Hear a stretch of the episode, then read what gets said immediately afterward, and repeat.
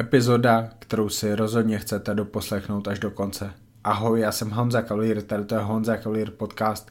Vítám vás u další, nejnovější epizody tady toho online projektu, projektu podcastu, rozhovoru, ale i mých monologů, které můžete poslouchat na YouTube, Apple Podcast, Podcast Addictu nebo třeba i Spotify.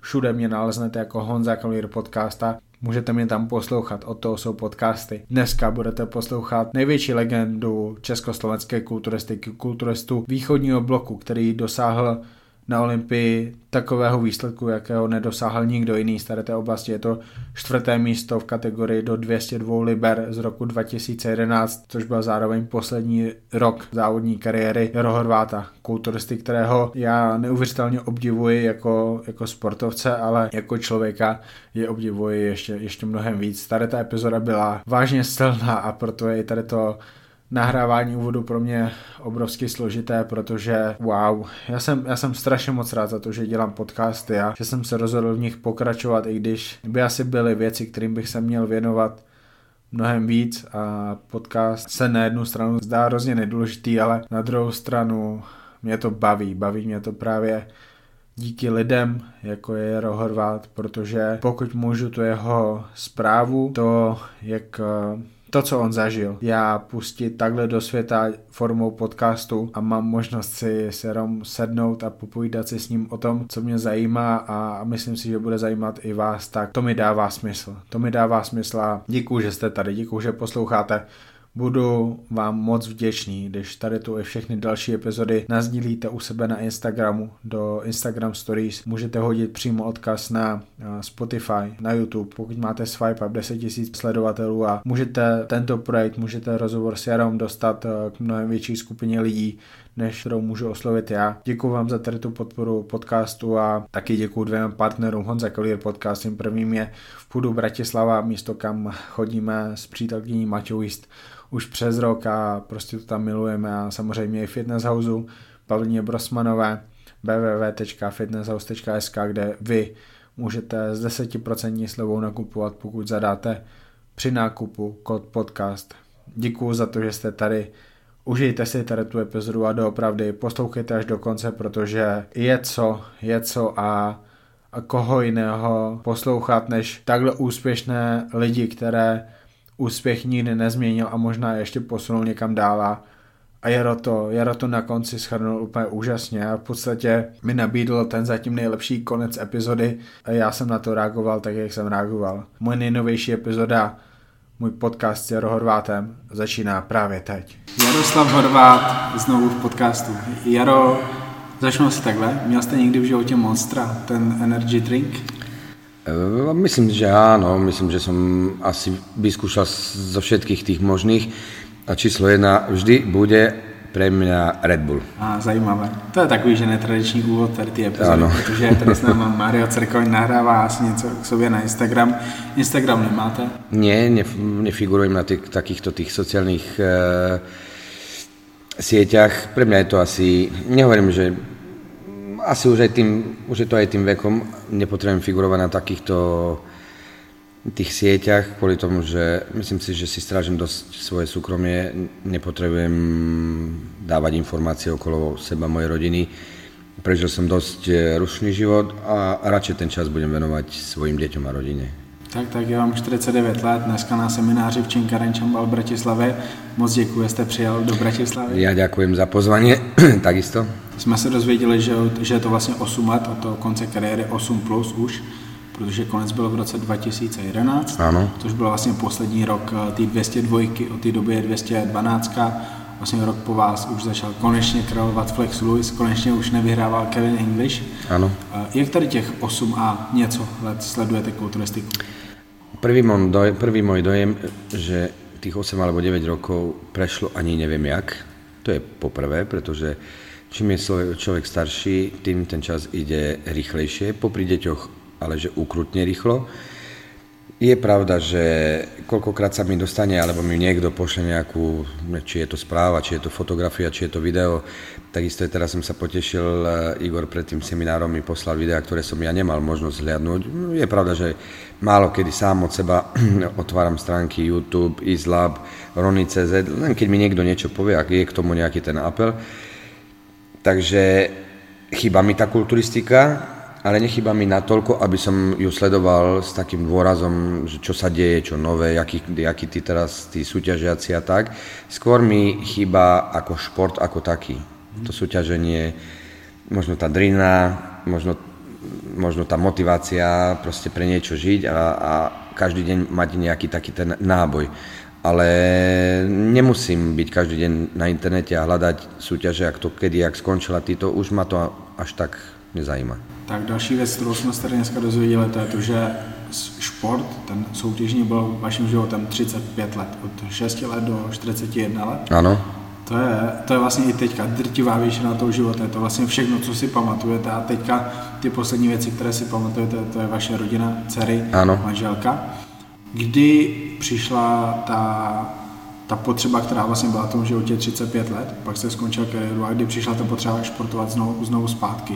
To, to, to, ta potřeba možná porovnat se s někým, dokázat zase něco. Bylo to hnedka po té Olympii, nebo to chvilku trvalo? Ono nejakým odstupom času, jasné, že človek keď s niečím skončí, tak potom si vychutnáva nejaký ten relax, nejaký ten kľud, ktorý nepoznal dlhé roky ale jasne, že potom prišli obdobia, keď ma to nejak lomcovalo a, a pocitoval som nejaké mrle v zadku, že by som, že by som sa aj, aj e, opäť niekde ukázal. Samozrejme to vystupovanie, tie voľné zostavy a také, počujem nejakú hudbu, ktorá mi niečo pripomenie a, a, a tie spomienky. Ale už to nebol taký, e, možno mi ten zdravý rozum hovorí to, že hop, niečo niečo si prežil, niečo nie veľmi pozitívne, prišli deti, viem, nakoľko milujem svoje deti a viem, že keď som robil ten šport, tak som sa musel obetovať a keď by som trpel ja, trpela by aj moja rodina. To znamená, nie som natoľko sebec a egoista, aby som pozeral len sám na seba. Už musím vidieť aj to, že mám rodinu a to, že tie deti by si nezaslúžili taký ten, dá sa povedať, obetavý život tomuto športu. A ten šport je náročný. Dneska jsme tady zmiňovali Dextra Jacksona, ten vlastně letos končí kariéru, bude mu 50. Já si myslím, že ten konec kariéry v jeho uh, případě bude vypadat hodně podobně jako ten váš. On, on úplně skončí s nějakým brutálním pravidelným tvrdým tréninkem, samozřejmě ta chemie, která je součástí, tak já se půjde pryč, protože on, on to dělá kvůli tomu, aby zarábal. Pro ně, to, pro ně to obživa. On to i několikrát řekl. On, on je kulturistou v podstatě jenom před tou soutěží, protože to podstatné na kulturistice je jenom ta chvíle na stage, ano. všechno ostatní je úplně nedůležité. Takže ano.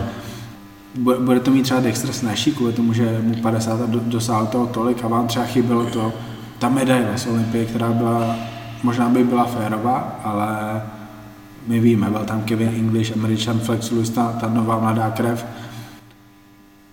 Bude to mít extra jednodušší?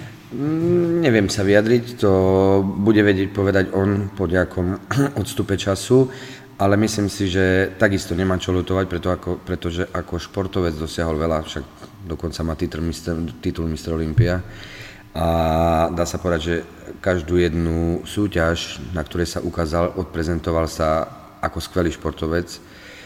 Vždy to bolo premietnuté, dajme tomu, aj vo farbe nejakej medaile, lebo on bol naozaj úspešný, jeden z tých najúspešnejších športovcov. Mm, je dobrý ako človek, poznám ho osobne, aj mu to doprajem a samozrejme musel prísť na to, že každá cesta má svoj koniec. To znamená, že je lepšie teraz odstupom času, keď, bol, keď je ešte na vrchole, jak potom zažiť pády a neúspechy a mm, také, takú tú nevšímavosť, pretože keď človek, človeku sa prestane dariť a nebude tak úspešný, už sa to meno jeho nebude tak obmielať ako doteraz. Takže ja si myslím, že rozumný čas, kto vie, aká bude tá jeho posledná Olympia, môže byť, že neviem, neviem, aká konkurencia príde, doprial by som mu takisto veľký úspech, aj keď to nemusí to už byť o víťazstve, on ten titul Mr. Olympia jeden má, a či má jeden, alebo dva, alebo tri, to už nie je, nie je podstatné. S cťou sa rozlučiť, zamávať tým všetkým fanúšikom, ktorí ho roky rokuce a tým blízkym ľuďom, ktorí ho podporovali, to znamená dôstojne sa rozlučiť s cťou, samozrejme dobrou, dobrou formou. No a život nabere, nabere iný smer a iné úskalia. Jaký je to pocit rozloučit se takhle důstojně? Protože vy jste končil doopravdy na tom vrcholu kariéry, čtvrté místo na Olympii, největší soutěž ze všech soutěží, jaké tady jsou v kulturistice ještě asi hodně dlouho budou, možná na pořád. Ano. Jaký je to pocit? Protože vy to víte, vy to víte, vy jste si to zažil, to byl ten vrchol. Krásný, neopísateľný, aj keď možno v danom momente to tak človeku nepríde, pretože mm, ono to tak znie, že je koniec kariéry, ale možno si to ten človek tak neuvedomuje pre, presne a práve v tej chvíli na tej súťaži. Ono to dojde potom po nejakom čase, keď to tá po tej diete opadne tá psychika, tá proste tá mm, atmosféra, tá drina a toto všetko, lebo má to svoje aj nielen pozitívne, ale aj negatívne, hej, ono to je, ten šport je aj o trápení, takže ono, to vychutnanie prišlo po nejakom čase, ale jasné, že trošku tá ľútosť tam je, že tam tá medaila nebola, ale vždy si to premietnem tak, že vždy to treba brať, bolo to dvakrát finálové umiestnenie. A finálové umiestnenie znamená špičkový pretekári, to už je top, proste či tam je niekto prvý, niekto musí byť prvý, niekto musí byť druhý, niekto musí byť tretí, niekto musí byť aj ten štvrtý. A aj keď tá medaila tam nie je, čo ma mrzí, ale myslím si, že nerobil som hambu ako slovenskému štátu a športu ako takému a byť raz šiestý a raz štvrtý ešte potvrdí to zlepšenie. Možno, že by to raz mohla byť medaila, ale nie je toto podstatné. Dôležité je, že tá forma tam bola, tá pripravenosť bola a že jsme urobili len a len dobré meno. Konec kariéry má to slovíčko konec už v tom názvu, ale čeho je ten konec kariéry vlastně začátek? Co začalo potom? Co, co mohlo být ve vašem životě z věcí, které tam předtím nemohly být? Samozrejme, koniec kariéry znamená to, že keď človek príde na to, že má 41 rokov, hop, treba sa ubrať aj iným smerom. Mal som priateľku, v tom čase už manželku, k dnešnému dňu, keď sa tak ohľadnem, sme spolu myslím, že 23. rok žijeme spolu, to znamená krásne roky mi obetovala. Porodila, porodila mi dve cérky, mali sme aj synka, ten nám bohužiaľ odišiel, mal ťažkú srdcovú vadu, ale nejak sme s tým bojovali, nejak sme sa s tým vyrovnali. Som ten typ človeka, ktorý má zdravý rozum a bol by som urobil všetko preto, aby tu bol, ale chcel, chcel by som, aby tu bol zdravý. A mať ho niekde dlho, príklad 5, 6, 10, 12 rokov a keby mi odišiel v tom čase, keby tu bol s nami dlhší čas a ja by som ho spoznal bližšie, bola by to o to väčšia bolesť. Tak sme ho poznali krátko, my sme ho tu mali 3 mesiace. Oni sa nám narodili totižto dvojičky, no on mal ťažkú srdcovú vadu, s ktorou sa nedalo bojovať. To znamená, my sme sa museli zmieriť s tým pocitom, ale možno nás to zomklo to viac a mám prekrásny vzťah so svojou manželkou. A pán Boh nám dal potom druhú dceru Soniu a to nám vlastne dvakrát vrátil v tom, aká je ja vlastne zlatúčka. Takže ja mám šťastné deti, som... Niekto povie, že ľúbi svoje deti, ja ich zbožňujem, to znamená, že dávam im toľko, čo sa dá dať a myslím si, že aj tá odozva späť je taká, že ja by som to nemenil. A to je tá cesta, ktorá prišla po tom športe, že človek sa ubral iným smerom, pre mňa ten šport už je len ako relax, už je len niekde, niekde ten čas človek musí míňať a tráviť. A ja ho rád míňam takisto v posilovni, blízko svojich klientov, blízko svojich kamarátov, s nimi cvičím, hýbem sa, ale už to není samozrejme o tej kulturistike, čo bola. Už nemusím tú stravu podriadovať, už nemusím tu, ja neviem, tú regeneráciu, proste už zjem, na čo mám chuť, aj keď sa človek snaží držať už len kvôli tomu, aby navonok nevyzeral veľmi zle, ale už to není o tých veľkých svaloch, ja už to nepotrebujem odprezentovať, Dôležité je, aby som sa dobre cítil, aby som sa hýbal, aby som ten organizmus držal, dá sa povedať, v takom zdravom štýle. Holky už chodí do školy nebo jedna do školky? Nie, nie, chodia do školy, jedna je piatačka a druhá je tretiačka. Kdo je zítra poveze do školy? Ja každé ráno. Ale v kolik ráno sa dostanete do Košic? No my sme, takto, tak dneska prídeme okolo 12. jednej, ale mm, ako ja s tým nemám problém, niekedy sa stane, že aj zvyknem chodievať s kamarátmi pozerať Ligu majstrov a stane sa, že to poťahujeme aj dlhšie do noci alebo do rána. No samozrejme ten alkohol, ten zostatkový by tam nemal byť, ale som zodpovedný rodič, možno nezodpovedný vodič, ale rodič som zodpovedný. To znamená, že keď sa nevyspím, deti nesem stále ráno ja.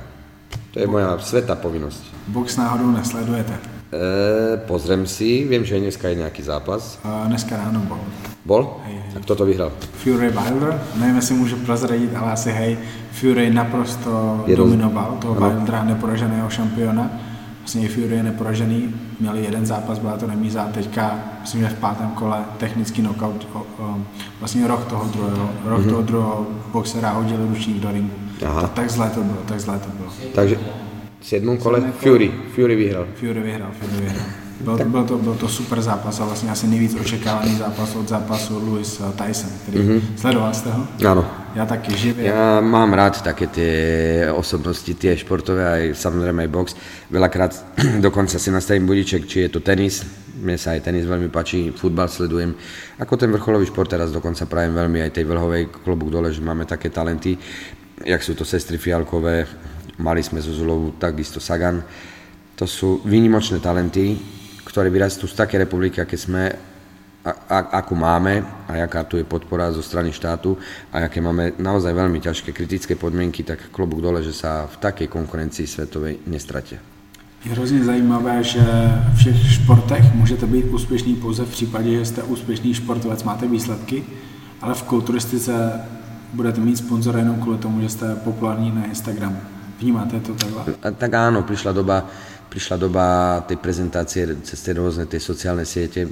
Za mojej éry sa dalo získať, ale je to aj, je to aj vec šťastia. Ako možno kedy si tie spoločnosti a firmy vyrábali ďaleko viac potrebných peňazí a viacej tých peňazí sa tiskalo do športy, do kultúru. Dneska je trošku iná doba, každý si stráži tie, tie financie, je problém nájsť nejakého vhodného sponzora ja viem, že tí mladí ľudia, ale zase na druhej strane majú ľudia možnosť zarobiť si, keď sú úspešní, čo ja som napríklad nemal. Ja som musel vystúpať exibične, tie naše súťaže boli zaplatené mm, nízkymi prémiami, to prostě neboli peniaze, ktoré by ma držali nad vodou v príprave. Jedna otázka, kterou jsem tady dneska nestihl položit, bylo, jestli si vzpomenete na soutěž, kde vás uh, přijali jako ty největší profíky, že se, že se o vás dobře starali na hotelu, na soutěži, že vás vezli z letiště, jestli taková soutěž ve světě byla. Bola. Bola to aj Austrália, ale to boli tie prvé ročníky, kedy Tony Doherty, ja sa pamätám, no, to dokonca nám aj preplácal, mi preplácal aj letenku, nemusel to byť sponzor, ale normálne organizátor súťaží nám platil aj letenku a vedel, koho pozýva, to znamená, tam stačilo, že prišlo 10, 12, 15 borcov, každý dostal preplatené. Každý mal zabezpečené ubytovanie. Už to potom nebolo, to viem, že už, ale potom prišiel, to tak malo asi byť, potom prišiel zase sponzor, tá spoločnosť Goldfield, ktorá ma zastrešovala a dokonca sa pamätám, že aj ten Nový Zéland, a to normálne, čo, či to bol promoter súťaže, alebo, alebo vybavil človeka vždy, po nás niekto prišiel na letisko, postaral sa, ako malo to svoju úroveň. Ten profi šport a tie krajiny, vtedy nebolo množstvo tých súťaží po svete, vtedy bolo, ja neviem, 5, 6, 7 okrem Olympie. Teraz je už ďaleko viacej súťaží a možností chodiť a súťažiť a uspieť. Ja sa pamätám, vtedy bol, bol eh, Melbourne, bol eh, Nový Zeland, to už bolo po Austrálii ako novinka. Bolo nejaké Toronto, bol Jacksonville, Dallas, tiež boli novodobé, moderné. V Európe nebolo nič. Bola jedenkrát Debrecen a jedenkrát Budapešť, potom to skončilo, ten Maďar sa na to vykašľal. Čiže to bolo možno 6, 7, 8 súťaží, kde sa dalo nominovať na Olympiu uspieť, ináč tam bol problém. Vy jste vlastně ty profíky zažil na tom, řekněme, počátku třetího tisíciletí až do toho roku 2011. Kdy byl ten vrchol toho, jak byla kulturistika brána? Ať už jde o ty pořadatele, kteří vlastně do toho dávají ty svoje peníze, ty sponzory, kteří dávají eh, pořadatelům peníze, nebo fanoušci. Fanoušci, kteří do toho dávají ten zájem, protože o tom to je, o tom zájmu fanoušků. Kde byl takový ten vrchol? Ja si myslím, že keď som odchádzal, tak už presne vtedy končila tá kulturistika. Tá kulturistika, ktorá bola kulturistikou. A myslím si, že vrchol zažívala, keď, keď kráľoval na Olympii od čias Doriana Jejca, Ronyho Kolemana a Phila Hita už už to bolo možno na, na, na úpadku, ale asi Ronnie Coleman to bol také, takéto boom. Ale vtedy neboli tie kategórie ako men's physique, classic, bikini a tieto nie. Kedy si pamätám sa, sa súťažilo jedine profesionálna kulturistika, profesionálne kulturistiky, kulturistky a fitness. Nič viac nebolo a vtedy to malo svoj úroveň. To proste nie je dobré, neviem, či je dobré teraz to rozdeľovať, pretože mám pocit, že že tým, že sa robia tie odnože tých rôznych kategórií, stráca sa prehľad už to není také zaujímavé, je toho veľa. Aj rozhodcovia nevedia, chodia na rôzne tie školenia, nevedia, ako majú mm, rozhodovať, proste sú veľké medzery, nedostatky aj v tom rozhodovaní ďalej. Športovci, on chudačisko ten nevie, že či má sa vybrať tým smerom, lebo má, nie je ďaleko ísť aj k tej kategórii, no a proste není to. To bolo pekné, že vtedy, keď bol kulturista, bol kulturista, nebolo nič iné. A už odvtedy, od tých mojich čas prišla kondičná kulturistika, men's fyzik, potom medzi žinami bikini, wellness bikini, fitness, ja neviem čo všetko, proste už je toho veľa. A myslím si, že to nerobí dobre.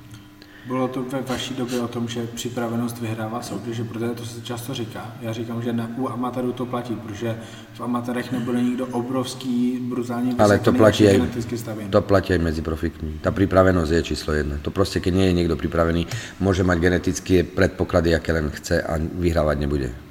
Pripravenosť kde je ten limit, protože jsou kulturisti, kteří takhle vysekaní chodili, ale neměli zdaleka takovou genetiku jako jména jako Flex Wheeler, Sean Ray, Kevin Levron. Ťažko povedať, ťažko je sa vyjadriť. Samozrejme sú predurčení výťazí. Keď príde niekto dobre stavaný a príde aj dobre pripravený, tak je jasný výťaz.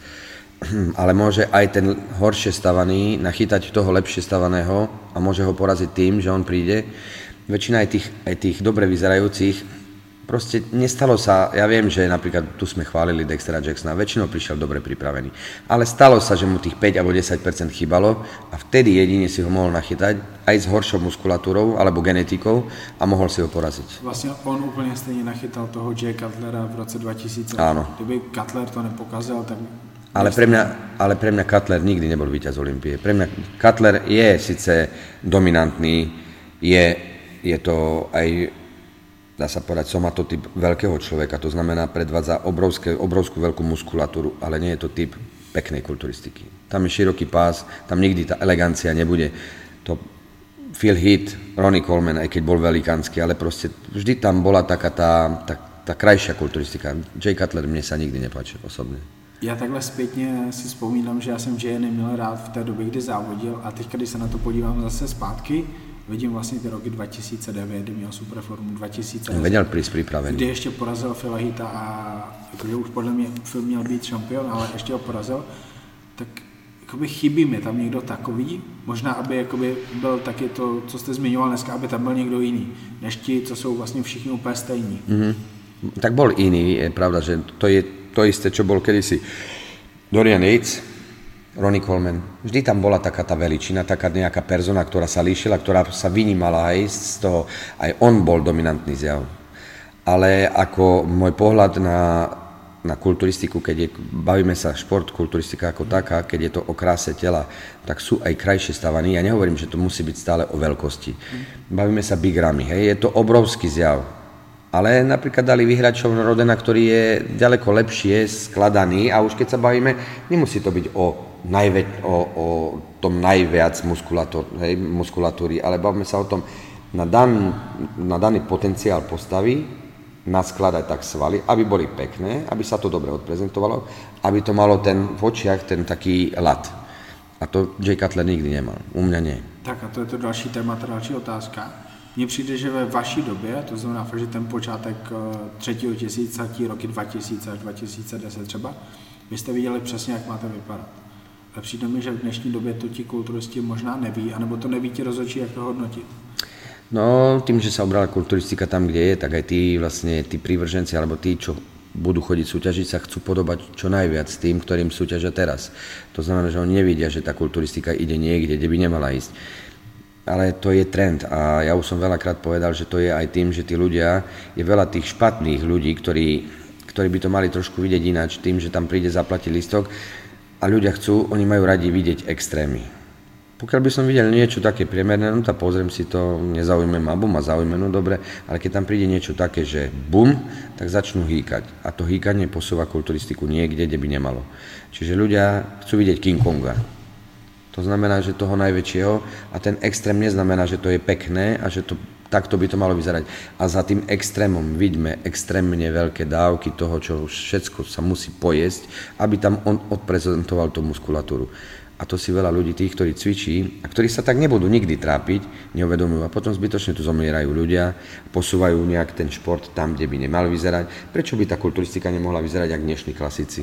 To stačí, to je to pekné, je to štíhle, je to útle, má to pás, vysekaný, má to krásne svaly, takto by mala vyzerať nejaká kulturistika súčasná. Nie tie objemné, tie klonované, by som škaredo nepovedal na nich, ale je to také, proste ubralo sa to smerom tým, čo nemalo. No.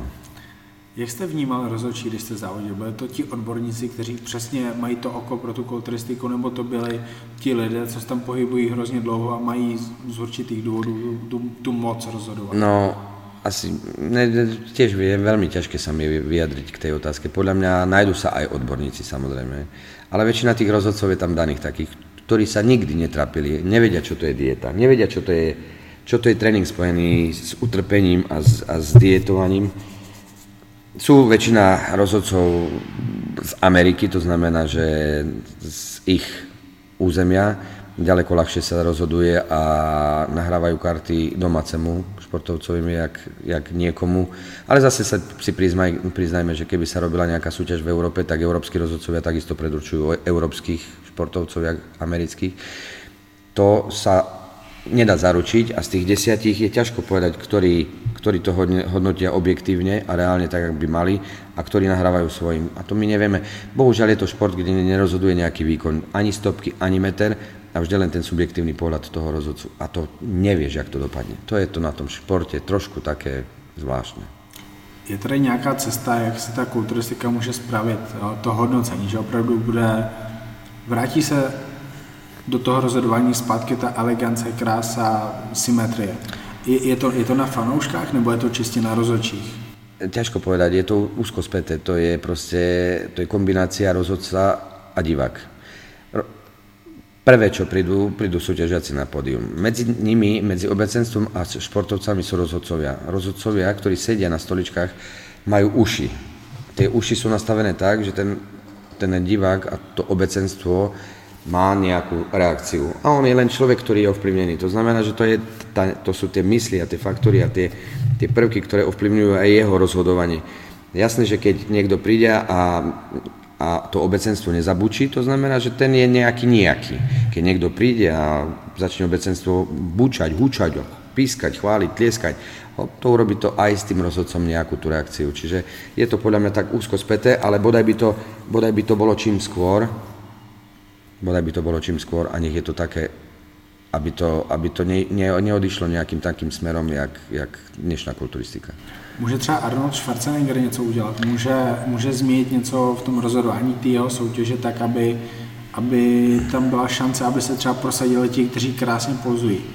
Podľa mňa nie, to je príliš takto, na to, aký je veľký človek, lebo veľký človek je, je príliš málo na to, aby zmenil. Nie, to proste to je, ja neviem, to, musí to prísť taká, taký ten, ja ťažko povedať, taká tá vlna, to nemôže to byť od jedného človeka. Ten jeden človek nemá na to právo, nie že právomoc vôbec nemá, ale nemá na to taký vplyv, aj keby povedal, to proste ľudia musia pochopiť. To je podľa mňa v tom, že tí ľudia, ktorí prídu a ktorí, ktorí chodia a ich to cvičenie baví, tak musia dať nejaký prejav, to je proste taká nejaká reakcia a syntéza toho všetkého, že musia dať najavo a tí rozhodcovia to musia pochopiť a to celé to vlastne sa naskladá k tomu, aby to bolo krajšie a lepšie.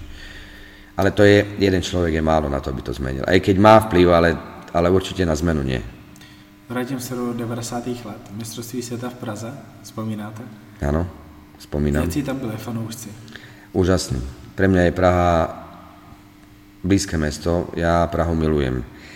Bol to môj prvý titul a ja som mal pocit, aj mám dodnes pocit, že ja som bol Čechmi viacej milovaný ako Slovákmi. To znamená, Češi boli pre mňa možno viac bližší ľudia ako, ako Slováci. Medzi Slovákmi nájdeš veľa nepraníkov. Takže ja som povyhrával aj veľa tých českých súťaží a vždy som sa tam cítil ako doma. Veľmi mi prischla ku srdcu súťaž v Opave a Standopešat. Ja som sa tam e, veľmi rád vracal, dokonca som tam bol už potom aj ako nesúťažiaci, ako len divák, asi to pozrieť Veľakrát som vyhral absolútneho víťaza, bola to krásna súťaž v krásnom prostredí v tom Sleskom divadle, banket a proste tí ľudia. Ja som tých Čechov mal naozaj rád a myslím si, že aj z úprimného srdca takou tou otvorenou dušou mi prijali ten titul v Prahe. Jaké byly ty soutěže? Popište mi to, protože já když teďka jdu na ty soutěže, tak diváků tam není zas tak veľa. My sme mali preplnené Sleské divadlo, banket plný, diskotéka, zábava. To človek sa tešil, ja som, ja som to nebral ani tak ako tú súťaž, skôr som to bral tak ako príjemne travený čas s tými ľuďmi, ktorí mi niečo hovoria. Súťaž samozrejme prebehla, jasne, že keď bol aj úspech, tak to bolo to krajšie, ale ten hotel, to ubytovanie, furt tam niekto so mnou išiel, mal som s kým sa podeliť o tú radosť a no proste pre mňa to malo taký cvenk. Tie súťaže boli úplne niečo iné. Je pravda, že potom som tam bol už nie ako súťažiaci a už to upadalo, už to nebolo ono. A najhoršie veci sú, keď sa robia roz, rozbroje, viem, že aj oni mali nejaké problémy v asociácii a proste, že to nebolo košer. Takže nemôže sa to potom ten šport posúvať niekde, kde, kde sú veci pozitívne brané, ale aj oni mali nejaké starosti vo výbore a proste viem, že mali nejaké prekážky a nejaké nesody.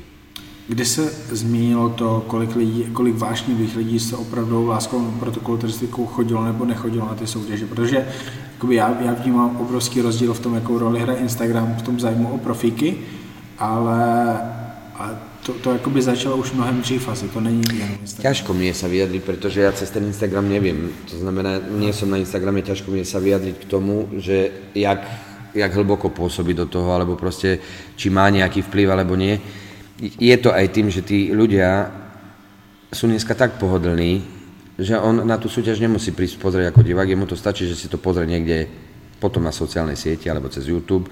A jemu to stačí, kdežto kedy si takéto veci neboli.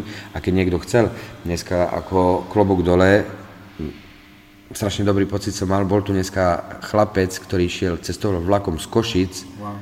ktorý dneska prišiel na seminár len kvôli mne a obetoval cestu vlakom z Košic a niekde zo stanice, aby sa dotrepal tu.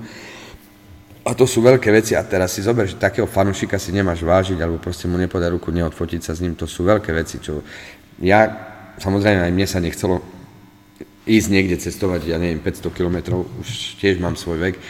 A nie, že by som bol pohodlný, ale viem, že taká cesta ma rozbije a ma trápi a že ten čas od detí a že mi chýbajú a toto.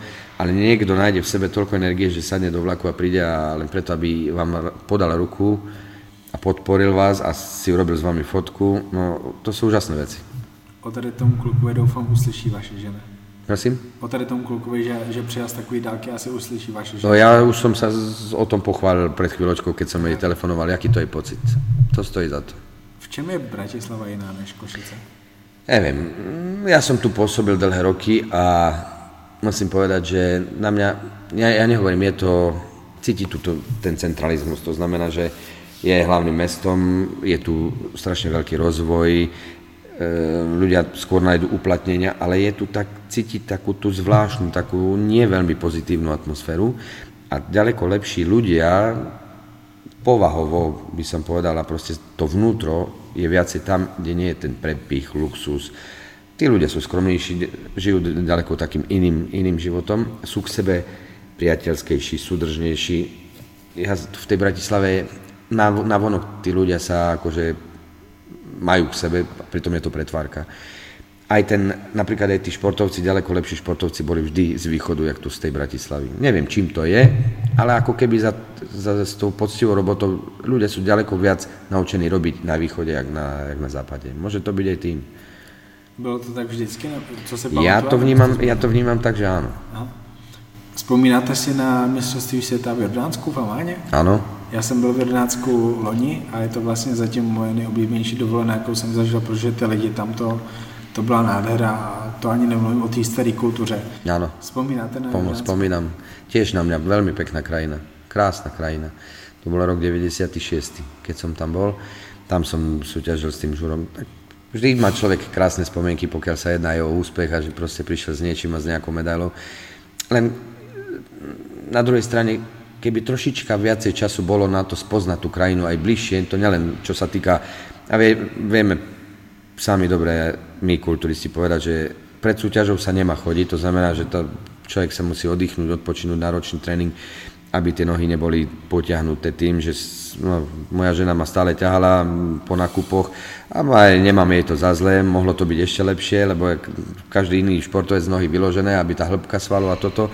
No a samozrejme po súťaži, tým, že tam je človek niekde 2-3 dní, skončí súťaž, je po diete, naje sa, ešte by to chcelo tak 2-3-4 dní nechať si na taký relax, užiť si, najesť sa, pochodiť, vidieť a to málo kedy bolo Byl náročný program. Bylo to někdy, povedlo se vám za tu kariéru dopřát si tu dovolenku po soutěži? No, v Austrálii jsme boli tak raz, to nezabudnem, nás zobral jeden z námi, on mal za, za manželku Slovenku, ktorá súťažila.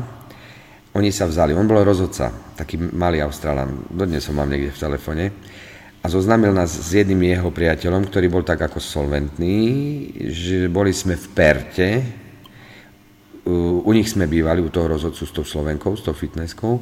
A zobrali nás ku nemu na jachtu, takže my sme mali taký výlet e, celodenný, no nič také človek dovtedy nezažil, hej, že proste taká jachta, to grilovanie na jachte, kúpanie sa pri tých mrakodrapoch, to sú chvíle a to sú také momenty, čo človek nemá jak prečo zažiť hej, a vôbec do také situácie vklznúť. Takže to bolo také ako veľmi pekné, príjemné. Samozrejme po súťaži, keď sa uspeje, potom prišiel taký ten relax, užívanie si toho. U nich sme spali, vonku sme sedeli v Beachcomberi, sme si popiali pivko, no to sú také chvíle radosti, hej, takej tej spokojnosti. V čem je Austrália jiná než Amerika? V čem sú třeba fanové tam? Sú tí ľudia, to sú vlastne všetko pristahovalci, dá sa povedať, lebo len tí domorodí, v podstate to sú tí domáci. A celá Austrália je taká pozbieraná, poskladaná z rôznych krajín. A tým veľmi sa mi páčilo napríklad to, že som vošiel niekde do banky a nepanoval tam stres, panika, hektika, že by sa ľudia niekde plašili, naháňali, každý s úsmevom na tvári, čítal si novinky, žiadna tá nevraživosť, my to také niečo nepoznáme tu na. Ako, môže to byť aj tou situáciou, že máme naozaj veľmi ťažkú situáciu, čo sa týka financií a je, ja neviem, 5-10% ľudí, čo sa má nadpriemerne dobre a ostatní sa majú veľmi zle alebo veľmi ťažko. A to je tá vlastne nevraživosť, čo tí ľudia vlastne prežívajú. Každý by sa chcel mať aspoň priemerne dobre. A ťažko je dopriať vlastne každému. Najhoršie je to, že bohužiaľ sme v takom období, je tá politika a tí ľudia, nikto nerobí pre ten národ, každý robí pre seba.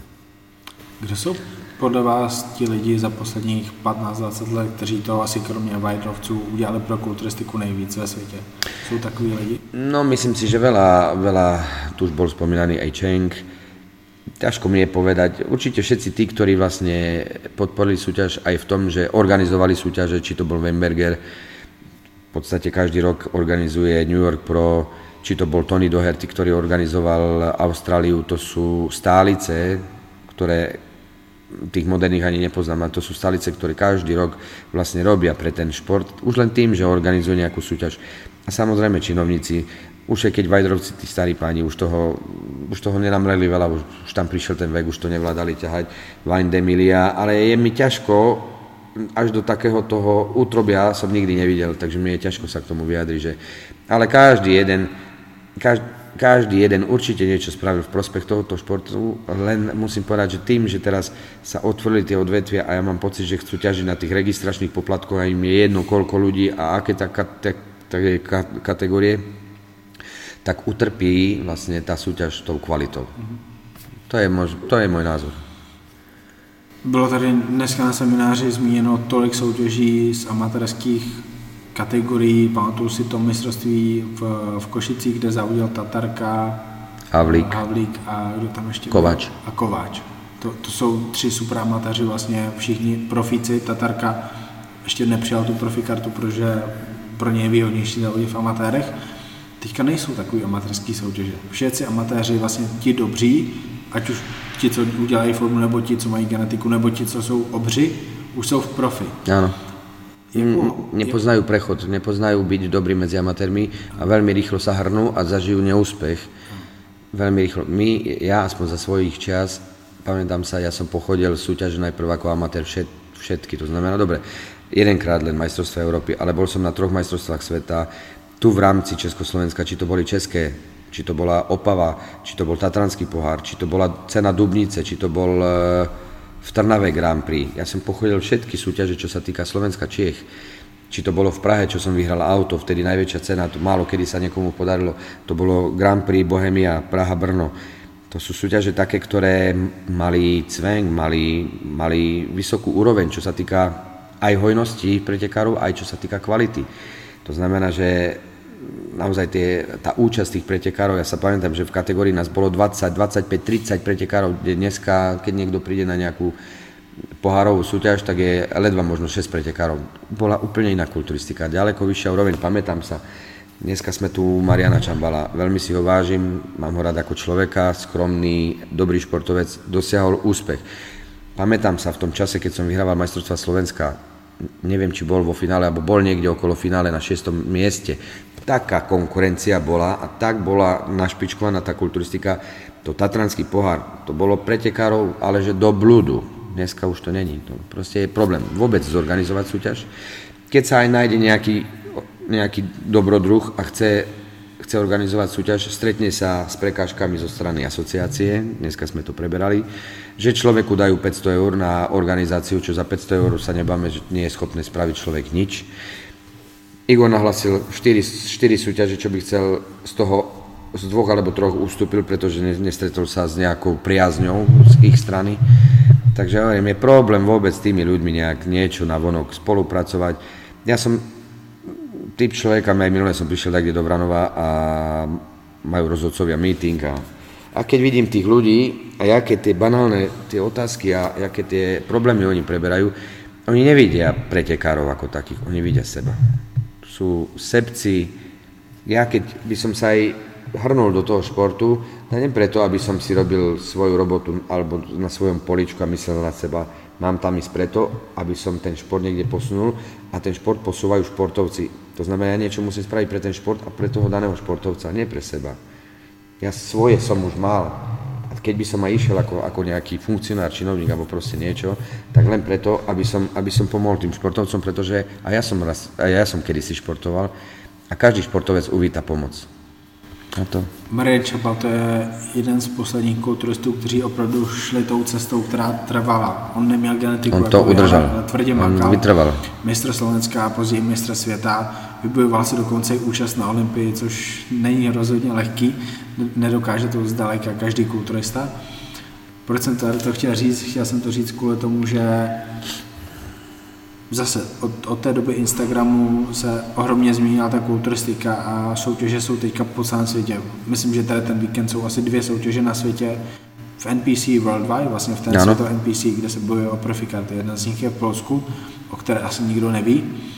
A těch nových profíků je často z jedné americké soutěže a snad 200 za soutěž mm. ve všech kategoriích. Co pro vás pro někoho, kdo to vlastně dokázal skoro všechno v kulturistice až na výhru na Olympii. Ale jste mistr světa, byl jste na Olympii, závodil jste s legendama, porážel jste legendy. Co pro vás znamená profikarta teďka?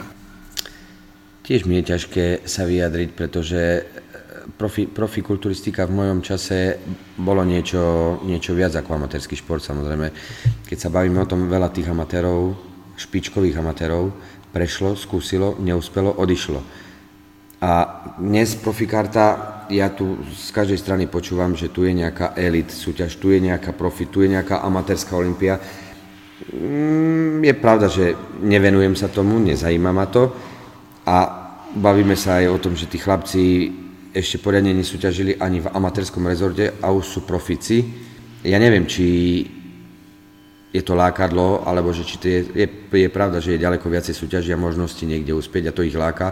Možno sú v tom aj financie, že sú aj tie súťaže medzi profikmi už aj platené a bavíme sa o tom, že ten šport je náročný, na, čo sa týka financií. To znamená, že si chcú uľahčiť cestu, aj keď si myslím, že všetko má svoju postupnosť, nedá sa nič urýchliť a veľa, veľa tých chlapcov zažije neúspech v tom, že vidí na skorého zárobku alebo skorého úspechu, nie, to všetko má svoj čas. On príde, veľa tých chlapcov, dobre, ešte Mozolani zažil tú éru nerozdelenia tých federácií, ale teraz aj ten Tabačara príde, ja neviem, že či to je... No, je pravda, že dosiahli, dajme tomu, vo svojom, vo svojom športe a v danom časovom období maximum. A chce, tak jak som spomínal aj ja, že chcem stále viac. To znamená, čo im iné ostáva, keď už majú nejaký ten titul majstra sveta, No už viacej nie, niekto ne, nezotrvá v tom, že uspokojím sa, teraz budem rok čo rok nosiť titul majstra sveta, nič nové. To znamená, že vyberám sa cestou, či bude úspešná, alebo bude neúspešná, to nikto nevie dopredu. Samozrejme aj ja môžem byť rád, že vôbec bol taký úspech, aký bol. To znamená, nevie, musia to skúsiť. Niekto to skúša rok, dva, tri, niekto 4, 5, niekto má vydrž, ale či to, či to príde, ten úspech to nikto nevie. A to je zase, ten chtíč im netreba brať, len mám pocit, že dneska veľa tých športovcov, ja sa dozvedám, už ten je profi, ten je profi, ten je profi, ešte poriadne neboli ani na, na majstrovstvách sveta a už sú profíci. No to by ještě byl zázrak, kdyby vůbec šli na nějakou testovanou soutěž. Oni často nejdou ani na mistrovství Slovenska nebo mistrovství České hmm. republiky. A teďka nám bojuje vlastně jeden český kulturista v Polsku o tu profikartu a on má vlastně zákaz eh, v IBB, protože ho chytli na mistrovství hmm. České republiky. Milan Šádek je jeden z těch nových profíků a je to v mých očích vlastně jediný kulturista, který mluví o tom, že já chci být nejlepší na světě. Milan říká, že chce vyhrát Olympii. Já to, já to neslyším o těch jiných českých nebo slovenských kulturistů, oni říkají, že já chci profikartu. A neslyším nic o těch výsledkách, neslyším nic o tom, chci být nejlepší, chci vyhrát, ale slyším, chci profikartu. Co, jak důležitý byl výsledek pro vás? Co by se stalo, kdybyste jel na to mistrovství světa do Guamu nebo Jordánska a skončil tam desátý? Jaký by to byl pocit? No, je lepšie sa stretnúť s úspechom, jak neúspechom. Samozrejme, úspech ťa posúva ďalej. Ale zase, zase sa budem opakovať, výťazov a úspešných je stále menej ako tých porazených. Je obdivuhodné, keď sa nájdú ľudia, ktorí sú väčšinou na tých horších miestach a nájdú v sebe tú motiváciu a ten náboj bojovať. To je prípad napríklad Mariana Čambala. On nebol z tých, ktorí boli lepšie ohodnotení, alebo že by zažívali za každým úspech. On si to musel naozaj vydržať, vytrpieť, vytrvalosť. Možno práve preto on si je vedomý toho, že aj keď mal veľmi ťažkú pozíciu, lebo tam, dajme, dajme tomu, tá genetika nebola taká, bolo tu ďaleko možno lepšie stávaných tých kulturistov, aj lepšie hodnotených, ale tou vytrvalosťou dokázal proste vydržať, zlepšovať sa, aj keď možno menším zostupom ako niekto, niekomu trvá menej, niekomu viac, ale bolo vidieť na konci svojej kariéry, že fakt urobil veľký kus roboty. A to je potom individuálne. Niekto má na to, aby to išlo hore až do tých výšav, niekto na to nemá. Bavíme sa o tom vyhrať Milan Šádek. Nebere mu ten optimizmus a ten entuizmus, proste ten chtič. Čo by to bolo za športovec, keby som nemal cieľ a motiváciu ísť niekde a počítať s tým, že á, to je mne jedno, ak skončím, to nie. Opatrné boli moje vyjadrenia, nikdy som nešiel s tým to vyhrať. Nie je to zase, to by sme, mám rád, keď je, keď je človek niekde pri zemi a samozrejme, keď sa to premietne a, a obratí vo forme úspechu, o to väčší je ten úspech. Jak ísť niekde na súťaž, robiť zo seba víťaza a skončím v poli porazených, tak som somár, som hlupák. Pekné je, že má ten náboj a tú motiváciu a že chce vyhrať a toto, aj keď to nebude to mať ľahké, s tým musí aj on rátať, že to víťaz, víťaz, víťazi sú mm, nie že dopredu vybraní, ale proste víťaz asi vždy bude nechcel by som mu to nedopriať. Bodaj by mal pravdu a bodaj by mu to vyšlo, aj keď si myslím, že bude mať cestu veľmi ťažkú. To, keď sa mu podarí urobiť lepší výsledok, jak spravil tým šiestým miestom, každý, každý lepší výsledok bude obrovský úspech. Jak silná ale byla ta touha po vítězství nebo touha po úspěchu? Když Velká. Jste, když jste na mistrovství světa, tak tam v hlavě prostě muselo být, že pokud chci být nejlepší, musím tomu dát všechno. Ja som... znamená, musím tomu dát všechno, abych neměl ty pochyby. Ja som vždy v tréningu, vždy v tréningu, aj v strave, ja som bol, no proste neexistuje, tu som dneska spomínal, zrnko ríže rozhodovalo pre mňa. Zrnko ríže, nikdy by som nezjedol o zrnko viac, nikdy by som neurobil v tréningu to, že by som neotrenoval brucho, lebo oh, už som ho cvičil, alebo proste niečo. Nikdy som si neodpustil, nikdy nič. Vždy musela byť 110, 110% robota. A v tom som sa ja vedel sám sebe zaručiť. A keď som aj niekde prišiel, aj keď to nebol, dajme tomu, ten úspech. Vždy som vedel, že som odrobil maximum, čo som mohol spraviť. A už ak to skončí, už to nevieš. Nevieš ovplyvniť. To je ten, to je ten, to je ten pocit, alebo proste tá, ten šport, kde nerozhoduje čas, meritko, stopky. Niekedy sa nedá vidieť, či to človek uspie alebo nie, ale keď to uvidíš niekde na fotke, alebo aj teraz na tých videách, a jak som tam stál, myslím si, že to nevyzeralo zlé, mohlo to skončiť lepšie, ne, skončilo to, jak to skončilo, aj tak sme vďační za to čtvrté miesto a myslím si, že hamba sa tam nenechala. Nerozhoduje tam, kolik metrů skočíte do dálky, kolik uběhnete, nebo za kolik něco uběhnete, ale jak velkou roli v tom úspěchu, v tom výsledku má to sebevědomí, Velké. který v sobě máte, ta jistota, to, ten, ten pocit, že jste udělal všechno pro to, aby to Ale dopadlo. prepač, to vidíš aj na tom vystupovaní. To proste aj tí rozhodcovia museli vidieť, že jasné, že keď už ťa vyhlásia, už s tým neurobiš nič na tom štvrtom mieste, že došlo nejaké to sklamanie, že v kutiku duše, keď som vedel, že vyhlasili 6.5. a vedel som, že som aj pripravený a vidíš ich napríklad aj na tom Raymondovi, aj na tom Kevinovi Englishovi, to nie sú kulturisti, to sú, ako, možno budem trošku taký kritický, ale to sú rozhádzaní kulturisti, čo tam na tom nič pekné nie je na tej stavbe.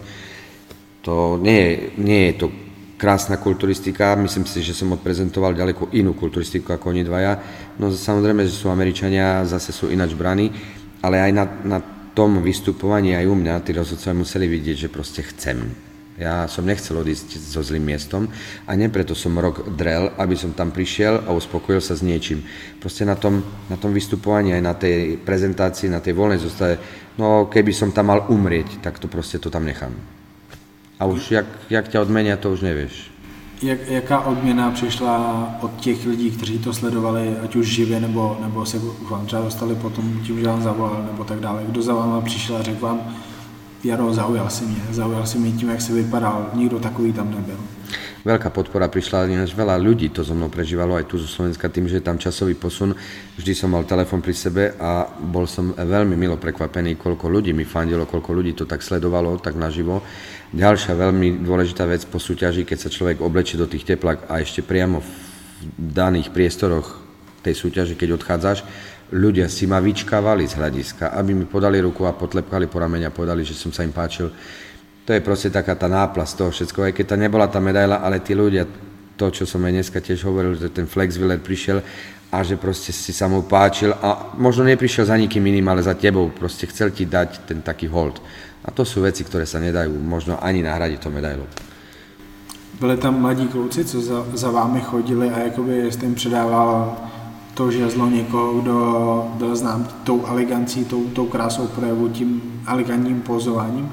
Byli takovýhle kluci, kteří za vámi přišli a vy jste jim jakoby mohl pocitově předat to, že okay, ty, ty můžeš být pokračovatelem toho, co já jsem ukázal v takej Nájdeš aj takých, aj keď nevieš, že či to je chlapec, kulturista alebo proste, ale nikdy som neurobil to, že by som niekoho odmietol. Či to bola len odfotografovanie sa s ním, či to bola podpisová karta, podpis, podanie ruky.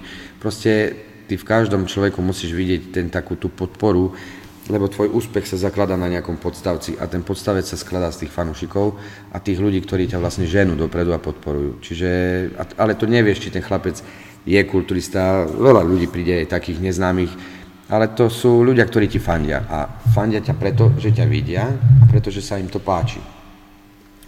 Takže ako tá odmena, tá bola sladká. Jak jste v tom období, kdy jste závodil, sledoval kulturistiku vy? Soustředil jste se jenom na sebe, jenom vaše tréninky, připravit se, OK, možná na tady té soutěži proti mě nastoupí tady ten nebo tady ten, anebo třeba ani tady to, anebo jste byl velkým fanouškem, který si zjišťoval všechno o nič, nič, nič. Nič. Maximálne, keď prišiel za mnou Igor, a rozprával mi, že tak mi zavesil nejaké, nejaké tie fotky z môjho tréningu a že aká je odozva toho a že proste, že som strašne zaujal, lebo tie fotky boli nejak zaujímavé, tá žil na to za toto a že prišli nejaké tie odpovede a taká nejaká tá reakcia na to, ale ja, že by som si zistil, nie, pre mňa bola robota, moje fitko, ja som bol aj ten typ človeka, športovca, ktorý necestoval dopredu, aby som v tom prostredí sa ukázal a proste robil si nejaké to promonie. Tesne pred súťaž, prísť, ukázať bif, čo najlepšie a domov. Ale i tak večer tam bol nejaký šport v televízii, ne?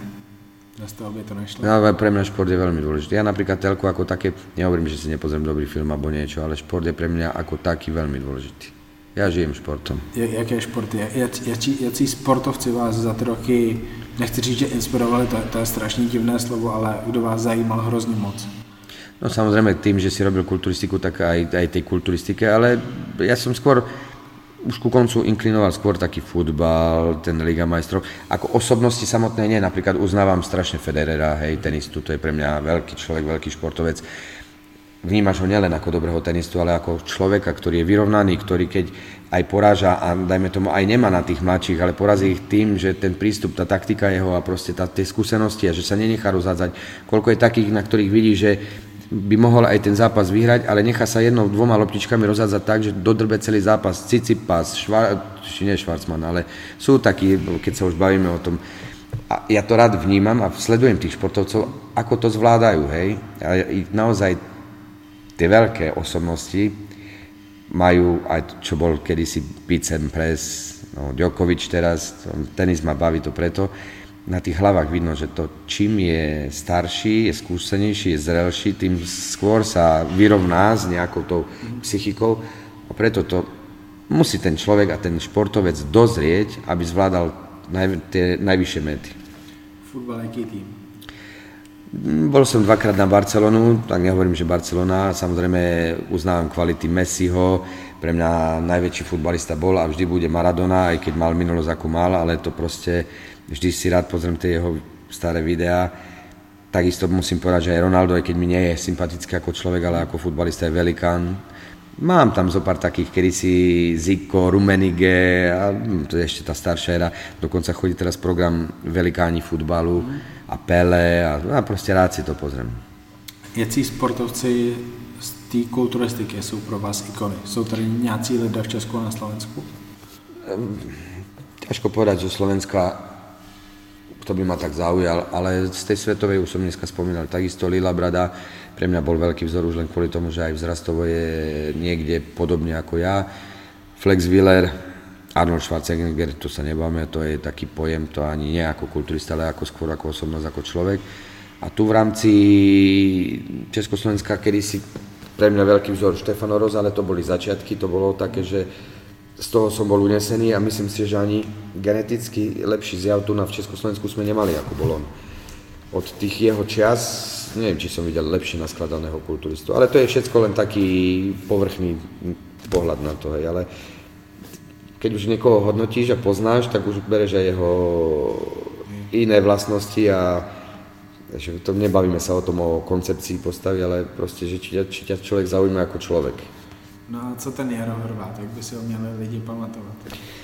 No, ťažko sa mi je vyjadriť, to by si sa mal pýtať niekoho iného, nie, ja sám seba nikdy som nehodnotil a neviem, ťažko. Vieš čo, je dôležité nechať, zanechať dobrý dojem, nerobiť zo seba niečo viac ako si. To, že za, tebo, za teba rozprávajú výsledky a nejaký úspech, to ešte neznamená, že ty musíš naraz ako človek. Za človeka hovoria osobné vlastnosti, to aký si, či poznáš pokoru, či poznáš prirodzenosť, nevystatovať sa, neprevyšovať sa, lebo tým nič nikdy nezískaš. Za teba má rozprávať niečo iné a to ťa má, to ťa má dostať do tých niekde, neviac ako druhý, ale ako aby si neostal bez povšimnutia. A to stačí. Děkuji za rozhovor. Ja ďakujem tiež.